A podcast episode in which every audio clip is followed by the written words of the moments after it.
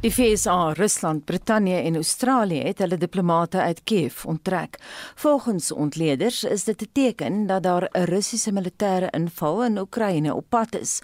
Oor die aanloop tot die spanning in die streek praat ons vanoggend met professor Abel Estreise van die Universiteit Stellenbosch se fakulteit Kraskunde. Goeiemôre Abel. Goeiemôre Anita. Daar blyk op die oomblik 'n kuberoorlog aan die gang te wees. Wanneer dink jy kan ons 'n de facto militêre inval verwag gegee dat Rusland dis nou volgens Boris Johnson se intelligensiebronne 'n blitsaanval op Kiev gaan loods? Ja, ek ek sal versigtig wees om te veel klem te plaas op die kuberdimensie. Die kuberdimensie maak inderdaad 'n belangrike deel uit van wat ons eintlik reeds sien as synde 'n hybride konflik of 'n sogenaamde grys oorlog en die kiberdimensie is maar een dimensie van van 'n kiber uh, van 'n hibriede oorlog. Die ander dimensie is natuurlik die inligtingdimensie, maar dan speel hy ook uit op 'n politieke, ekonomiese en en 'n militêre vlak en jy moet elkeen van daai dimensies uh verdiskonteer om om regtig te verstaan wat hier aan die orde is. Al Jazeera en die BBC praat nou van 100 000 Russiese soldate wat tans op die grens van Oekraïne saamgetrek is. Nou as mens nuusbronne bekyk, dan verskil daai syfers geweldig. Wat sê jou getalle? Hoeveel Russiese soldate is op die grens van Oekraïne? Ja, Anita, dit is natuurlik baie moeilik om dit vas te stel omdat jy gaan hier te doen hê met misleiding en doelbewuste misleiding en in baie opsigte gaan Rusland dit waarskynlik wil projekteer as synde 'n baie groter mag te wees wat uh, daar werklik is, maar ek dink daar's twee ander belangrike aspekte wat ons hier moet beklemtoon. Jy weet die die fokus is baie op die die uh, magte wat saamgetrek is op die oosgrens van die Oekraïne. Maar daar's twee ander belangrike uh, magsgroeperinge. Die een is uh, die magte van Wit-Rusland, uh, Belarusia. Ehm um, in die laaste week het die Belarusia en die Wit-Rusland president gesê dat die Russiese weermag en Wit-Rusland se weermag in wese een is. So daar's 'n noordelike front En dan het ons geweldige uh, militêre opbou in die Swartsee op die oomblik waar die Russiese vloot besig is met geweldige magsopbou wat 'n suidelike front skep uh, in die rigting en die die die hawe stad van van Odessa bedreig. So ons moet versigtig wees om te veel klem te plaas op die magte wat by oosgrens sit op die oomblik. Washington het 8500 soldate op gereedheidsgrondslag geplaas. Dink jy Putin steur hom aan sulke waarskuwings uit Washington? Wel, ek dink hy neem kennis daarvan, maar die die probleem, wel, kom ek sê uh, in die eerste plek dat ehm um, ja 8500 soldate en ek dink nie hoeveel soldate die weste ook al in in Oekraïne gaan plaas en hoeveel wapentuig hulle ook al daar gaan instuur gaan op die oomblik enige verskil maak nie omdat die uh, Oekraïense weermag uh, met inherente institusionele probleme sit aan aan die een kant. En aan die ander kant natuurlik is dit vir ons baie moeilik om om Putin te lees omdat Putin uh, baie onvoorspelbaar is en uh, hy sit basies in 'n posisie van onaantastbaarheid ehm um, en waar hy geweldige groot handelingsvryheid het ehm um, wat dit moeilik maak vir die weste om om ehm um, teen hom op te tree. Denemarke, Spanje, Frankryk en Nederland beoog nou om vegvliegtuie en oorlogskepe oos-Europa toe te stuur en NAVO se Jens Stoltenberg sê hulle wil fokus op oos-Europa. Duidelik is hulle ook baie bekommerd wat gebeur uh, op die grens met Oekraïne, maar NAVO, as mens nou mooi kyk na hulle geskiedenis, hulle modus operandi was nog altyd defensief eerder as offensief. Hoe gaan NAVO hierdie bedreiging hanteer? Ja, dis 'n baie moeilike probleem vir NAVO omdat NAVO soos jy reg uh, op uh, opmerk, NAVO se defensiewe instelling, uh, die organisasie oogmerk van NAVO was nog altyd die verdediging van Europa en uh, hulle het nog altyd die die sogenaamde trugwire klousule baie sterk beklemtoon. Met ander woorde hulle kan eintlik nie handel voordat daar nie regtig 'n aanval op een van van die lede van NAVO is nie. En mense moet in gedagte hou dat die Oekraïne is nog nie 'n lid van NAVO nie. En dit maak dit uh, baie moeilik. Ehm um, wat dit eintlik uh, vir die individuele state van Europa uh oorlaat om om met die situasie te handel soos hulle dink goed is en 'n mens sien dit ook dat NAVO op die oomblik nie vanuit een mond wil ek amper sê handel met die situasie in die Oekraïne nie. Ons kry verskillende invalshoeke en verskillende maniere waarop die Duitsers, uh, die Nederlanders en die Britte veral handel met die met die situasie. Sommige hanteer dit uh, op 'n lae vlak, die Duitsers en hulle probeer dit diplomatiek op 'n diplomatieke vlak en ekonomiese vlak hanteer. Die Britte weer aan die ander kant ehm uh, baie sterk op die militêre dimensie met die voorsiening van wapentuig. Uh, so Europa en NAVO handel nie op die oomblik met die probleem uh, as 'n enkele probleem nie. En natuurlik daar spanning in NAVO byvoorbeeld tussen die Duitsers en die Britte oor oorvliegregte. Vertel ons daarvan. Ja, ehm um, Duitsland probeer dood eenvoudig om nie ehm um, op te tree dat hulle eintlik gesien word as eh uh, Putin uit te lok nie om om die situasie nog verder ehm um, jy weet aan te blaas en uit te bou nie so hulle probeer dit diplomaties handel handel hulle probeer dit half op 'n lae vlak hou. Ehm um, die Britte aan die ander kant het uh, begin om wapentuig te voorsien, uh, veral tankafweer en lugafweer missiele oor oor die naweek. En ons het gesien dat Duitsland uh, vir Rusland eksplisiet gesê het, uh, julle vlieg nie oor ons grondgebied in die voorsiening van daardie wapentuig nie. Ehm um, in die laaste dag of wat het ons in elk geval ook het ons ook vloot ehm um, uh, magte gesien veral uit Denemarke en ander wat begin hmm. om om deur middel van vlootmagte te probeer om om wapentuig ehm um, aan die Oekraïne uh, gee. So daar is definitief 'n opbou in in Wes-Europa en hulle kennis geneem van die situasie. Maar ek dink nie daar is op die oomblik 'n uh, 'n oorkoepelende en 'n en 'n holistiese benadering van van Wes-Europa aan die hantering van die probleem nie. Abel is Putin besig om sy hand te oorspeel. Ons weet Rusland het nie baie geld nie. Rusland vaar ekonomies baie swak op die oomblik. Oorspeel hy sy hand want so konflik of 'n inval gaan hom baie geld kos.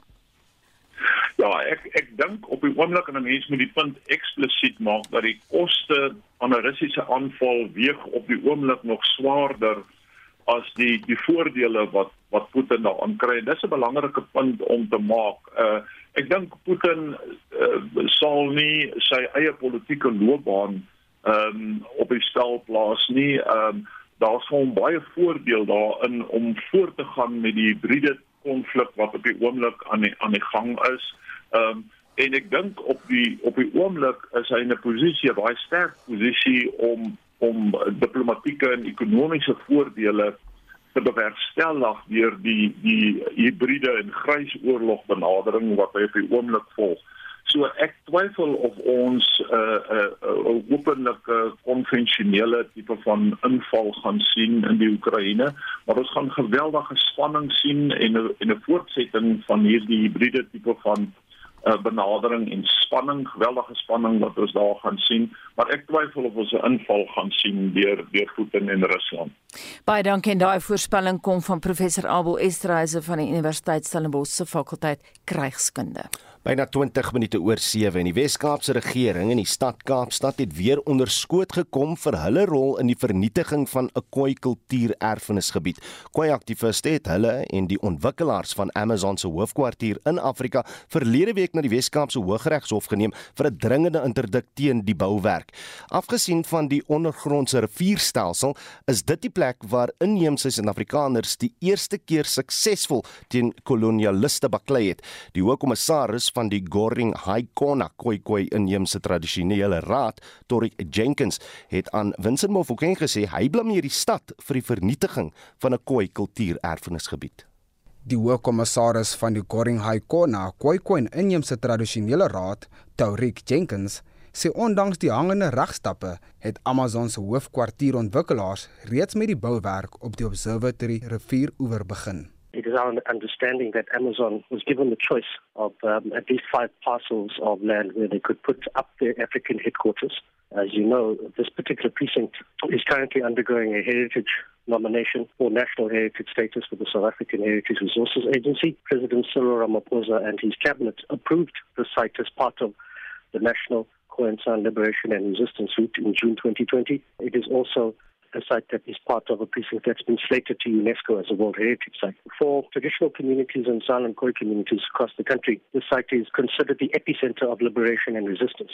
It's uh, a place where wars were fought against the Portuguese in 1510, but also a place where the first frontier wars uh, broke out in 1659. I think important to all South Africans is the fact that this site is a place where Jan van Riebeeck himself deployed for the first time title deeds. Jenkins sê die stad Kaapstad het besluit om hierdie stuk grond te hersoneer om 150 000 vierkante meter beton op 'n vloedvlakte te akkommodeer wat in stryd is met sy eie omgewingsbeleid. It is a very important precinct that holds the keys to deep restorative justice, restitution and restoration uh, in not just indigenous communities in this country but for all South Africans. When you have this kind of heritage that also speaks to the original sin, that also speaks to colonial conquest being covered by 150,000 square meters of concrete bulk in order to build an Amazon African headquarters, which in our view is in violation of the city's own climate change mitigation policies against international edicts on climate and environment. What is controversial about the site is that it uh, wants to redirect the Sacred Lisbeth River as well as infill parts of the river. And we've been contesting the site for about four years because of the environmental devastation that we believe it will cause, but also the threat to a very important intangible and tangible heritage that speaks to the first indigenous communities of southern Africa. Jenkins sê dat dit die land se inheemse volke minag en ook die stryd teen klimaatsverandering ignoreer. In terms of public participation, I think it's important firstly to note that since 1657, where this land was dispossessed for the first time, there has been no real clear, meaningful participation in terms of the future of the land over the period of that time. In terms of this development proposal, as was quite clearly articulated by an independent ministerial tribunal that was dealing with the heritage on the site, that when it came to public participation, that, that tribunal critiqued and criticized the city and the province and the developer for deploying what they also described as divide and rule conquer tactics, where the tensions between various core groups basically precipitated once the Department of Public Works and the developer decided to hire their own independent consultant to facilitate a process whereby they would engage uh, traditional uh, communities on the matter. The Gorinai Corner, together with 22 San and Khoi groups, are vehemently against this development because it goes against the symbiotic relationship that these indigenous communities have with the environment, with the embankments, with the cosmos.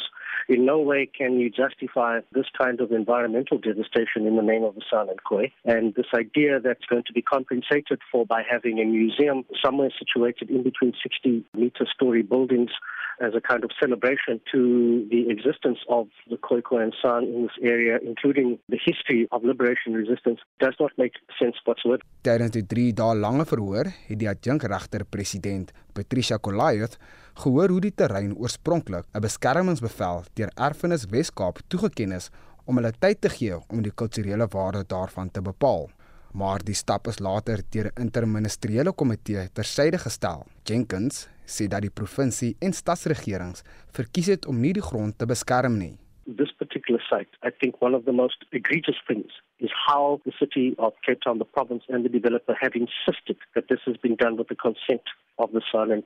This is completely not true. Together with environmental groups, umbrella civic organizations, and so forth, we have a petition, for example, of over 70,000 objections. The number of objections, not just only coming from traditional groups, but also from citizens and residents of the city of Cape Town and around South Africa. All these objections have, have literally been ignored. And so we've come to understand that the developer had signed off its agreement with Amazon even before the environmental authorization had taken place. Die Wes-Kaapse regering en die stad Kaapstad het volstaan by die besluit wat hulle geneem het. Jenkins betwis die afgelope 4 jaar omdat hulle die besware wat gemaak is ignoreer. The city of Cape Town seemingly has bent over backwards to accommodate this development in a way whereby its own environmental department had appealed the environmental authorization and it now becomes clear that the then mayor of Cape Town, Dan Plato, and his maker politically decided to veto the expert environmental uh, report that the city had submitted.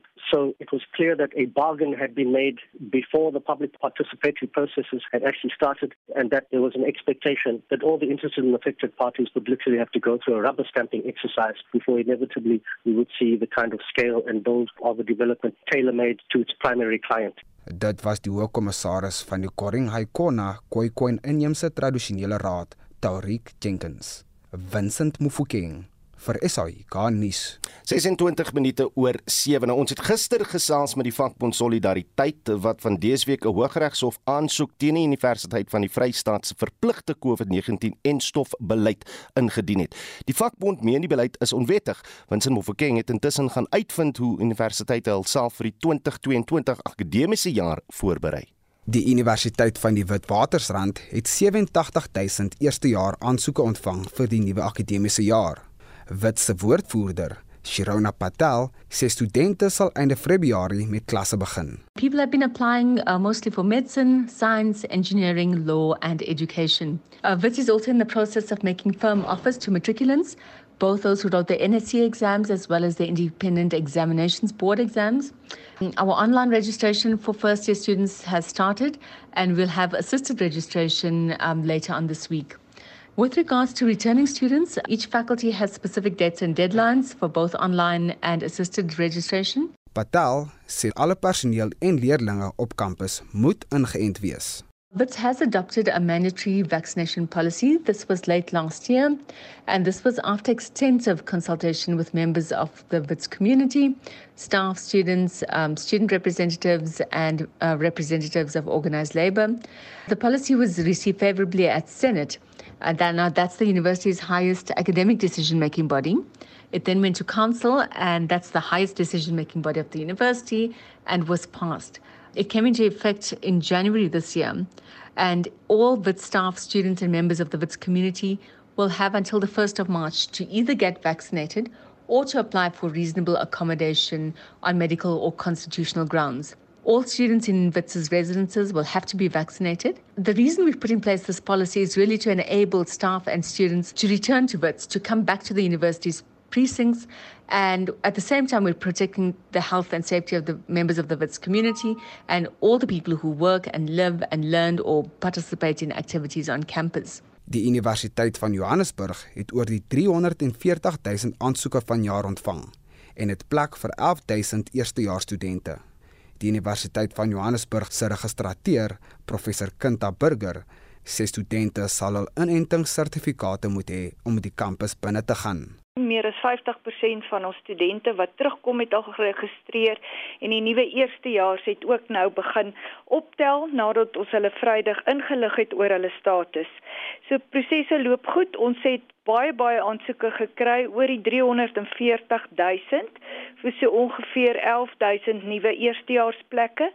So ons het 'n ooraanbod en uh, dit beteken ons ons het ook natuurlik studente wat nou navraag doen om te sê as hulle nie ingekom het nie wat is hulle alternatiewe. So ons probeer hulle help sover as moontlik. En dan ehm um, het ons ook vir die studente laat weet wat is ons uh, inentingsbeleid nou want ons wil graag ons studente terugbring op kampus. Ehm um, ons gaan vir hulle meer kontakklasse gee hierdie jaar as wat dit verlede jaar was. Daar gaan nog ook bietjie aanlyn klasse wees. So ons praat van 'n hibriede model maar ons wil hulle sover as moontlik terug hê op kampus en in die koshuise. Nou enige toegang tot kampus vir ons personeel, vir studente en vir ons besoekers. Dit gaan verplig wees dat hulle hulle inentingssertifikaat vir ons toon en hulle kan dit oplaai deur 'n aanlyn platform te gebruik. Intussen sal die Universiteit van Pretoria geleidelik met kontakklasse begin. Rikus Dalport, Tuk se woordvoerder, sê die universiteit het nie tans 'n verpligte enstofbeleid nie, maar hy sê 'n konsultasieproses in hierdie verband is aan die gang. Sowat 9000 eerstejaars studente tans besig om aanlyn te registreer vir die Universiteit van Pretoria se akademiese jaar vir wanneer klasse op 21 Februarie begin. Ons beplan om voort te gaan met die geleidelike heropening van die kampusse, maar weens die beperkings wat daar geplaas word op byeenkomste en die besetting van lokale en die gepaardgaande groot aantal studente in van die voorgraadse klasse is dit net nie moontlik om onmiddellik met kontakklasse vir almal te begin en terselfdertyd hulle veiligheid te verseker nie. Ons het egter ver gevorder om te kyk na maniere om die kontakklasse op 'n roterende grondslag te begin vir ten minste 'n paar van die programme. Die Universiteit van Pretoria het ons nie 'n beleid van verpligte inentings nie, maar ons is besig met 'n uitgebreide konsultasieproses onder personeel en studente om maatreëls op plek te stel wat sal help met die veilige terugkeer van almal. Dit was Rikus Delport, die woordvoerder van die Universiteit van Pretoria. Ek is Vincent Mufokeng vir SAI Garnis. Marlenae, wat is die telling tussen span vismeer en die res van ons? Jong, ek is nie die drie van ons. Daar vang jy my om kant, maar ons drie is nie span vismeer nie. Dit kan ek jou verseker. Op Facebook is daar 'n hele klompie mense moet ek sê, ehm um, wat nie baie lief is vir vismeer nie. Ehm um, ons kry ook baie SMS'e, maar kom ons hoor eers wat die mense op ons WhatsApp lyn dink oor hierdie vismeer sake. Nee, ek uh, gaan nie die vismeer mis nie. Ek hou glad nie daarvan nie maar my kind was hier in Bloemfontein in die laerskool bekry gewees en as hulle nou happy tyd het, moes die ouetjies wat eiertoebroodjies gehad het, buite die klas gaan sit en eet. Hulle mag nie in die klas gesit en eet dit nie. So ek dink die reuk van die vis en die reuk van die eiers, ja, gaan sit maar buite. Die lekkerste vir my op skool was gewees. As ons so pauses hard op ons gou daar in Willem se winkel ramskop. Hard op ons gou ramskop toe. Al op kop as al lewerwors. Jo, hy het lekker geëet. Toe ek 'n jong lad was, het ek altyd vissmeer en jam op my brood gesit. Ek gaan my vissmeer nogal mis. Dit was lekker geweest in my grootword jare. My naam is Manet. Ek onthou my ma se lekker skoolbroodjies. Ons het seker donker brood geëet met varsgemaakte plaasbotter en dan beet daarop. Die beet is gedreineer anders het jy nou met 'n papbroodjie by die skool aangekom. Maar tot vandag is dit een van my gunsteling herinneringe. En nou net vir mense dink dit is 'n vreemde keuse. Daar's 'n tipe toebroodjie wat hulle mofoletta onnoem wat ook beet en spinasie en botterskorsie en eiervrug en hummus ook kry. So voor jy dit nou afskiet, probeer dit. Ek's Marlene Barnard van Wenen. Ek hou van vismeer, en dan moet dit op 'n vars broodjie wees met regte botter en dan smeer jy vismeer op en dan berg jy die botteltjie in die yskas en jy eet hom so gou as moontlik op. Nie 'n smeer wat jy doen as jy gaan uitgaan daarna nie. Jy geniet dit persoonlik en dan is dit die laaste van die vismeer vir die dag. Lekker lag ons vir daai ding. Jy moet maar eerder nie uitgaan na dit nie. Nou Stella Barnard skryf op SMS lyn ek so liever vismeer op lekker dik broodjies gedoop in koffie. En hy het gou daar laat weet Samuel Walters vismeer op roosterbrood was hemel op aarde. 'n Anonieme luisteraar laat weet vismeer was 'n leksheid gewees in ons huis, maar op laerskool het ons varkvet en goue stroop op die broodjies gekry, maar op hoërskool was dit nou nie juis sosiaal aanvaarbaar nie. En Frik het Nelspreid sê ons het groot geword met vismeer op ons broodjies skool toe. Ek is vandag al 70 en geniet nog my roosterbrood met vismeer. Ons kosblikkies toentertyd was hierdie toffie blikkies en die deksel was in plek gehou met 'n vrugteflesse rooi rek hoe verlang ek nou na mm. daardie daar en dan baie mense wat praat oor die nostalgie wat geheg word aan vismeer Nebo Pilot skryf, ek hoop ek het daai van reg uitgespreek op Facebook. Dis jammer as die nostalgiese kinder lekker een een verdwyn. Sal maar aanduiding waar in Suid-Afrika op pad is of seker reeds daarby is, 'n ware smaaklose land, so in lyn met COVID simptome. Ons hoor graag van jou. Praat saam. Is jy span vismeer of kies jy om maar eerder weg te bly? SMS kos jou R1.50. Jy kan hom stuur na 45889. Jy kan 'n stemnota aan ons stuur of jy kan saamgesels op Monitor en Spectrum se Facebookblad waar baie mense hulle mening oor die kwessie lig.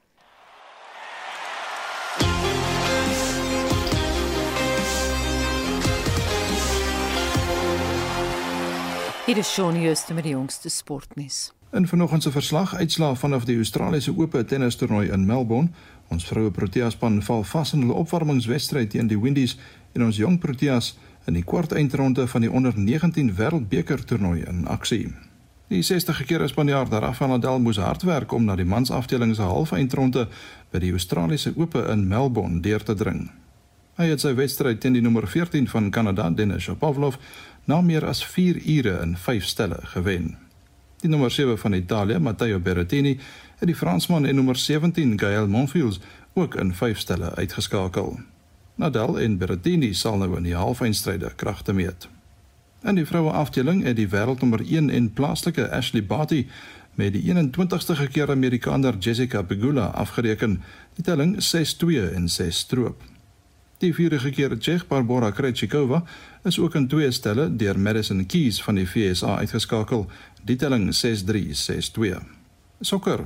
In gisteraand se Afrika Nasies beker wedstryde in die laaste 16 ronde het Senegal 2-0 teen die Kaapverde eilande en Marokko 2-1 teen Malawi geseëvier. Die voorges speel vanaand 6uur teen Egipte en Ekwatoriaal Genee 9uur teen Mali. Dit is vir die laaste plekke in die kwartfinale. Op die cricketveld het ons vroue Protea span hul opwarmingswedstryd op die Wanderers in Johannesburg teen die Windies gister met 53 lopies verloor. Hulle moes 203 vir die oorwinning aanteken, maar kon net 149 op die tellbord plaas. Die reeks van 4 eendagwedstryde begin Vrydag. Sunay Luce is as kaptein aangewys met Chloe Tryon die onderkaptein. Die IKR se vroue speler van die jaar, Lizelle Lee, gaan die reeks misloop. Die Windies en Engeland se manspanne pak mekaar vanaand van 10:00 af in die derde van 5 T20 wedstryde. Die reeks is gelyk op met 1 elk. En ons herinner graag dat ons jong Protea span vanmiddag 3 uur in die kwartfinale van die onder 19 wêreldbeker toernooi in die Wes-Indiese eilande teen Engeland kragte meet. Laastens op die golfbaan slaan die PGA Tour se Farmers Insurance Ope vanaand 7 uur in San Diego af. Die veld van 156 spelers bevat net 3 Suid-Afrikaners. Hulle is Christian Besaidnout, Dylan Fratelli en Dawie van der Walt. Die wêreld se voorste speler, Gonram van Spanje, neem ook deel. Patrick Reed van die FSA was die wenner in 2021. Shaun Schuster, RSG Sport. Dis 'n 47 baie welkom by Monitor en ons keer terug na Oekraïne in ons wêreld nuusgebeure vanoggend. Die FSA kan dalk persoonlike sanksies instel teen die Russiese president indien die Russe Oekraïne inval en Justin het die nuutste daar. Justin oor na jou. Die Amerikaanse president Joe Biden sê 'n aanval deur Rusland op Oekraïne sal verrykende gevolge hê vir die wêreld. Hy is tydens 'n media-konferensie gepeper met vrae van joernaliste en het ja geantwoord op 'n vraag oor of hy sanksies teen Putin self sal instel. I made it clear to uh, early on President Putin that if he were to move into Ukraine that there'd be severe consequences including significant economic sanctions as well as I'd feel obliged to beef up our presence NATO's presence in on the Eastern Front, Poland, Romania, etc. Would you ever see yourself personally sanctioning him if he did invade Ukraine? Yes. You would? I would see that. Biden se administrasie werk intussen saam met olie- en gasverskaffers reg oor die wêreld om meer voorraad na Europa te stuur in die geval dat Rusland voorrade afsny. Rusland verskaf dan sowat 1/3 van die ruolie en gas wat deur die Europese Unie ingevoer word. En dan gaan ons na 'n ander deel van die wêreld. Tientalle mense word nou vermis nadat 'n boot langs die VSA se Florida kus omgeslaan het. Ja, die Amerikaanse kuswag soek na 39 mense wat vermis word nadat hulle boot na bewering Saterdag aand aan die Florida kus omgeslaan het. Amptenare is eers gisteroggend in kennis gestel van die ongeluk nadat vissermanne 'n man gesien het wat aan die romp van 'n boot vasklou sowat 27 of 72 km van die stad Fort Pierce. Die oorlewende sê die groep het Saterdag aand uit Bimini, Bahamas vertrek en slegte weer getref. Amerikaanse amptenare sê die boot was moontlik deel van 'n mensesmokkelnetwerk en volgens die oorlewende wat nie geïdentifiseer is nie, het nie een van die passasiers lewensbaadjies gedra nie. En dan nuus oor die Olimpiese Winterspele waar kunsmatige sneeu kommerwek. Ja, navorsers van die Loughborough Universiteit in Engeland sê die kunsmatige sneeu by Beijing 2022 gebruik geweldig baie energie en water.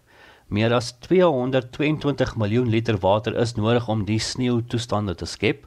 En Beijing 2022 sal die eerste Olimpiese Winterspele wees wat byna 100% op kunsmatige sneeu staatmaak, berig die BBC se Alex Capstick. Hardly any of the snow that covers the mountain venues to the north of Beijing is real. The region is arid, so giant machines have been working hard to create the right conditions for the ski and snowboarding events to take place.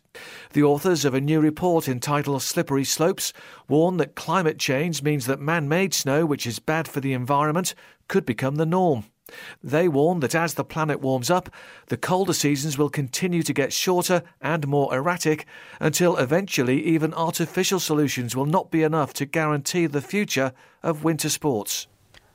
Nou, die verslag waarsku ook dat kunsmatige sneeu gevaarlik is vir die atlete. Atlete loop 'n groter risiko wanneer hulle op kunsmatige sneeu meeding, aangesien dit 'n vinniger en harder oppervlak skep wat erger beserings kan veroorsaak wanneer iemand val.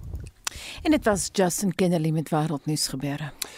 Monitor het uh, baie reaksie gekry oor 'n storie wat ons gister uitgesaai het. Die kruks daarvan is dat 'n verstekeling Sondag op Schiphol lughawe in Amsterdam gevind is nadat hy meer as 10 uur lank in die voorwielruim van 'n vragvliegtuig vanuit Johannesburg weggekruip het. Die man is in 'n hospitaal opgeneem. Anita het gister gister die storie verder gevoer en met majoor Robert van Kapel van Amsterdam se Schiphol lughawe polisie gepraat oor die besonderhede van die saak.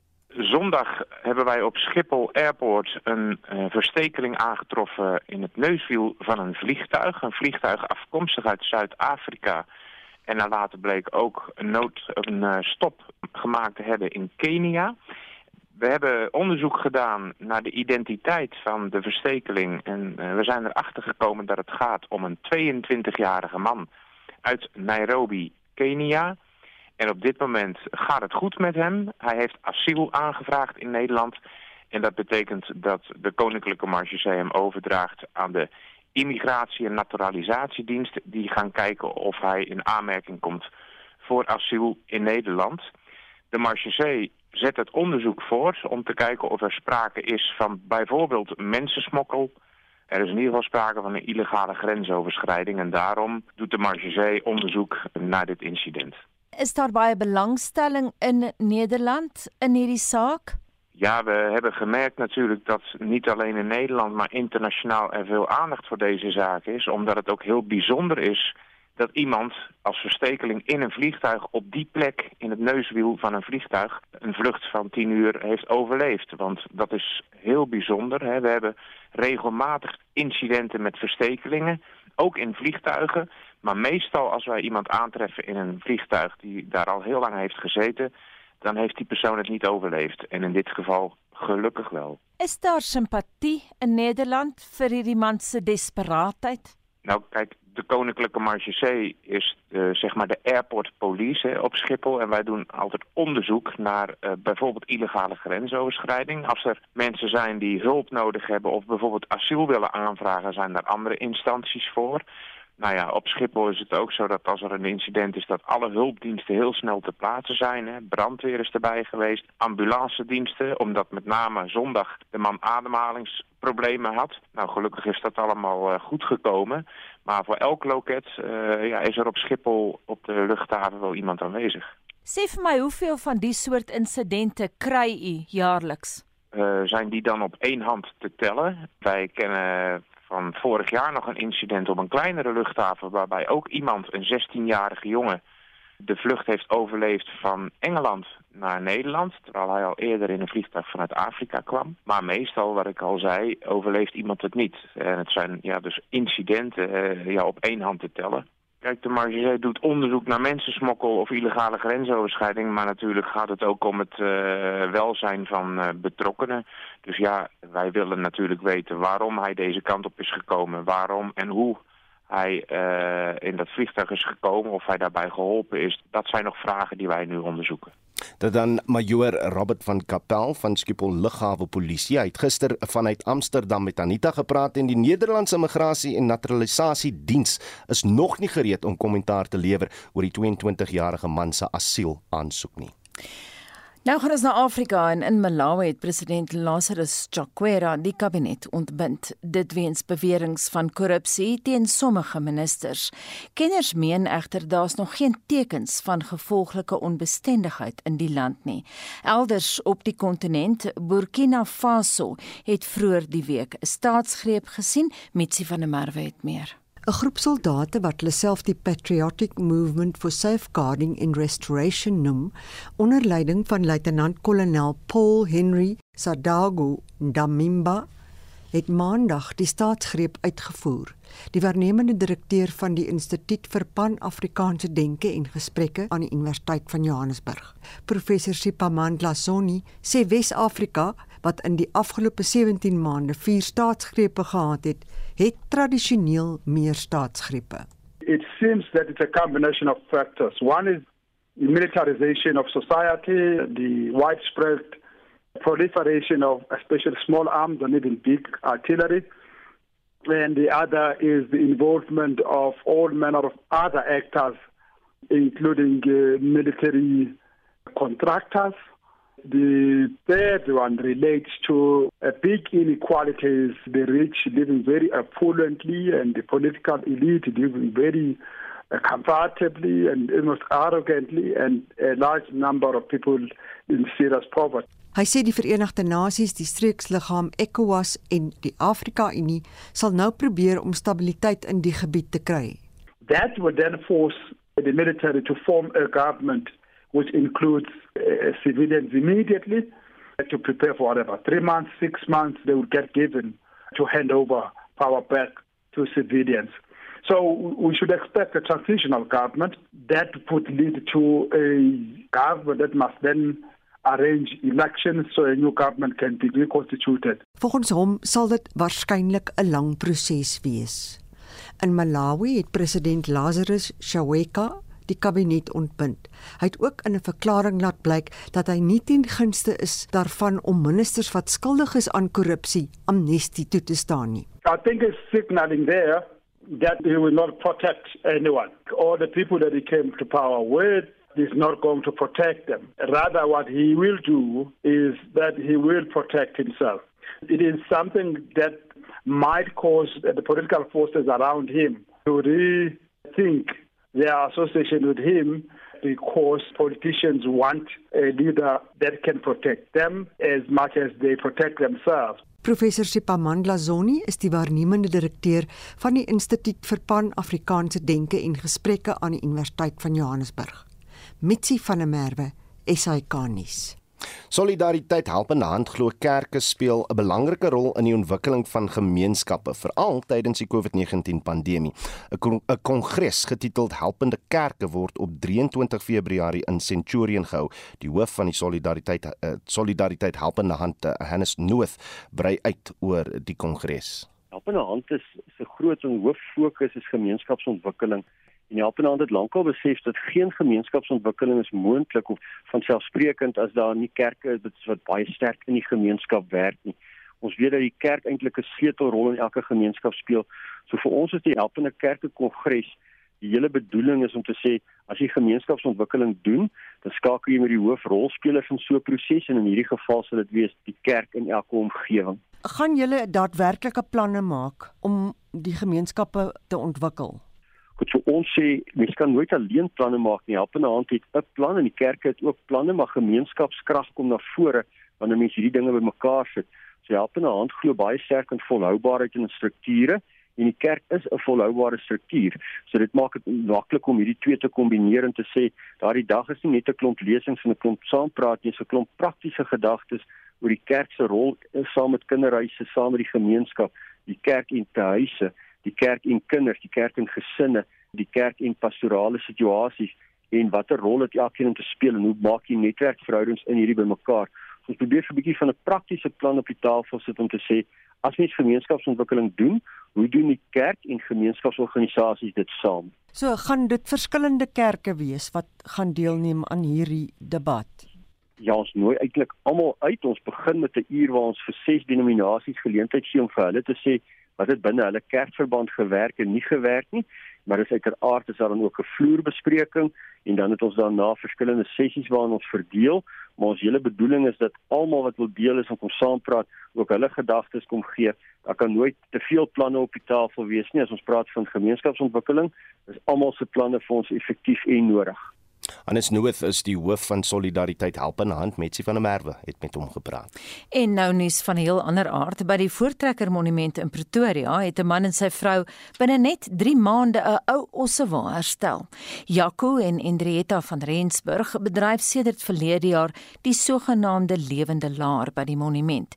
Jaco sê hy het as lid van die trekboervereniging leer hoe om ossewaans saam te stel is 'n vereniging wat ons begin het in 2013. Toe ons die groot trek 175 gedoen van Wasbank af tot by Bloedrivier geloste trein self.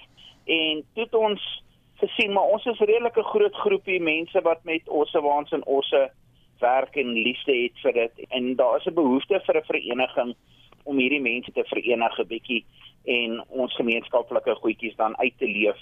Van daardie af het ons dan nou verder per geleentheid soos wat ons met Klokkelaan of met Groot Mariko of selfs by Willem Prinsloo dan bymekaar kom en ons het ons waans uitgespan en ons het dan ons stillaar dan gehou en vir die mense gewys hoe het ons dan al die ou tradisionele goed gedoen soos wat ons dit nou vandag by die lewende laar by die monument dan ook doen. Julle het nou hierdie wa reggemaak. Wat was als fout met die wa?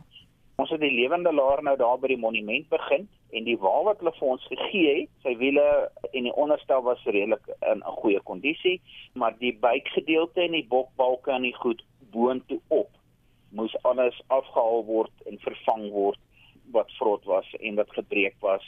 Dit moes heeltemal herbou word en dan het ons hom nou 'n bietjie verder gevat het want dit was net 'n kaal bokwa en ons het hom nou 'n nagmaalwa gemaak menende hy het nou sy lere en hy het 'n kapgedeelte bo-oor wat 'n seil dan nou ook oor kry. Kan ek met Henrietta praat want ek verstaan sy het die seile gestak. Hoe het jy dit gedoen? Hy's 1.5 wyd en dan is hy 3.6. So dit is twee stukke van 1.8 wat ons aan mekaar gestik het omdat dit 'n swaar materiaal was. Dit is 'n bietjie moeilik, maar ag as jy so drie tafels om jou pak om die materiaal op te sit, dit is heeltemal haalbaar. Die bestuurder van erfenisbewaring by die Voortrekker Monument, sy naam is ook Jaco van Rensburg. Hy is in beheer van al die herstelwerk by die monument. Dink wat die lewende laar so uniek maak en eintlik so fantasties maak is dit maak die geskiedenis weer letterlik lewendig. Mense kan kom kyk, hulle kan vat, hulle kan voel, hulle kan sien. Van 'n donderdag tot 'n sonderdag bly Jaco en sy vrou Henrietta binne in die laar soos wat die voortrekkers sou geleef het. Hulle doen tipiese voortrekker aktiwiteite daar binne. So mense kan 'n fisiese lewende beeld kry van hoe die voortrekkers dan nou geleef het en ek dink dis 'n baie unieke ervaring en is 'n baie goeie manier om 'n baie akademiese veld soos geskiedenis op 'n baie praktiese wyse voor te stel. Die bestuurder van erfenisbewaring by die Voortrekker Monument, Jaco van Rensburg. Mitsi van der Merwe, SAK nuus. En van Justin gaan ons na Marlenae hoe lyk daai laaste terugvoer. Kom ons hoor wat sê die mense op WhatsApp. Lisa van Ermelo. Ja nee, ek is ook nie 'n vissmeer mens nie, maar ek gun ander dit wat ek graag wil eet, maar my lekkerste broodjie is om saam met vrugte te eet. Ek het groot geword op uitgebraaide varkvet op die toebroodjie met daai lekker sout en peper op en dan gemaalde kaiens. Ek wonder hoeveel mense kan dit nog onthou. Die mense praat vandag regtig so in my kraal. Ek het nie gedink daar's nog mense wat dit ken nie. Nou voel ek nie meer so alleen nie. Vandag nog hou ek van vismeer en konfytbroodjie. Daar's mense wat dink ek is van my sinne beroof, maar dit is absoluut heerlik en ek het dit geleer eet in die koshuis. O en ja, varkvet en goue stroop is natuurlik 'n groot wenner. As mense net bereid is om dit te probeer soos die beet op die brood, dit is baie baie lekker. Ek hoor so ons praat van die broodjies. Ek het al sop skool toe gehad, dan moet jy nou nog daai blik reg op hou laat dit nie sop uitloop nie. In my eerste en enigste jaar op universiteit het ek probeer om liggaamsbou te beoefen by die koshuis. Die toerusting was mekaar geweest en die, en die opsies wat die uh, voeding aan betref was ook maar dun geweest. Daai tyd was daar nie kreatien en whey en al die duisende produkte wat daar vandag is nie. So ons het maar staat gemaak op eiers wat vir die huis af gesmokkel was en vismeer wat ons by die kos het gekry. Nou die aard van die saak was daar 'n beperking op die vismeer gewees en daar was heelwat manne wat daai tyd baie daarvan gehou het. So as jy sien eers nie jou, jou roosterbrood uit die uit die broodrooster uitgesteel het nie, dat jy nou probeer om soveel as moontlik van die vismeer deur te kry. Partykeer was daar van die wat so nat en loperig nog aan die onderkant was. Maar ons het vasgeglo dit gaan jou spiere gee. Noodloos om te sê dit het nie gewerk nie en ons was daai tyd maarder gewees 6 maande af in die pad as dit was voor die tyd. Ek sou ook maarder wees. ek het nou so naar vir daai loper. ek sien jou. En die laaste woord gaan aan Cathy de Bruin. Sy sê ek het vismeer geëet as ek moes, maar my suster was verslaaf aan dit en ons het haar die bynaam Fishy gegee. Jy's daar. Dankie dat jy saamgesels het. Môre maak ons weer so. Aline Moses, sy sit gereed met die uh, dagboek. Ja, Oudo, ons praat met 'n ekonoom oor matriek se kans op werk. Die James Webb Ruimteteleskoop bereik sy nuwe tuiste na 'n reis van 1,5 miljoen kilometer. En ons gee jou die jongste nuus oor Australië se tennisope. Ons groet namens ons uitvoerende regisseur Nicoline de Wee, die redakteur vir oggend was Joan Marie Verhoef, ons produksieregisseur Daitron Godfrey, my naam is Anita Visser en ek is Oudo Karelse.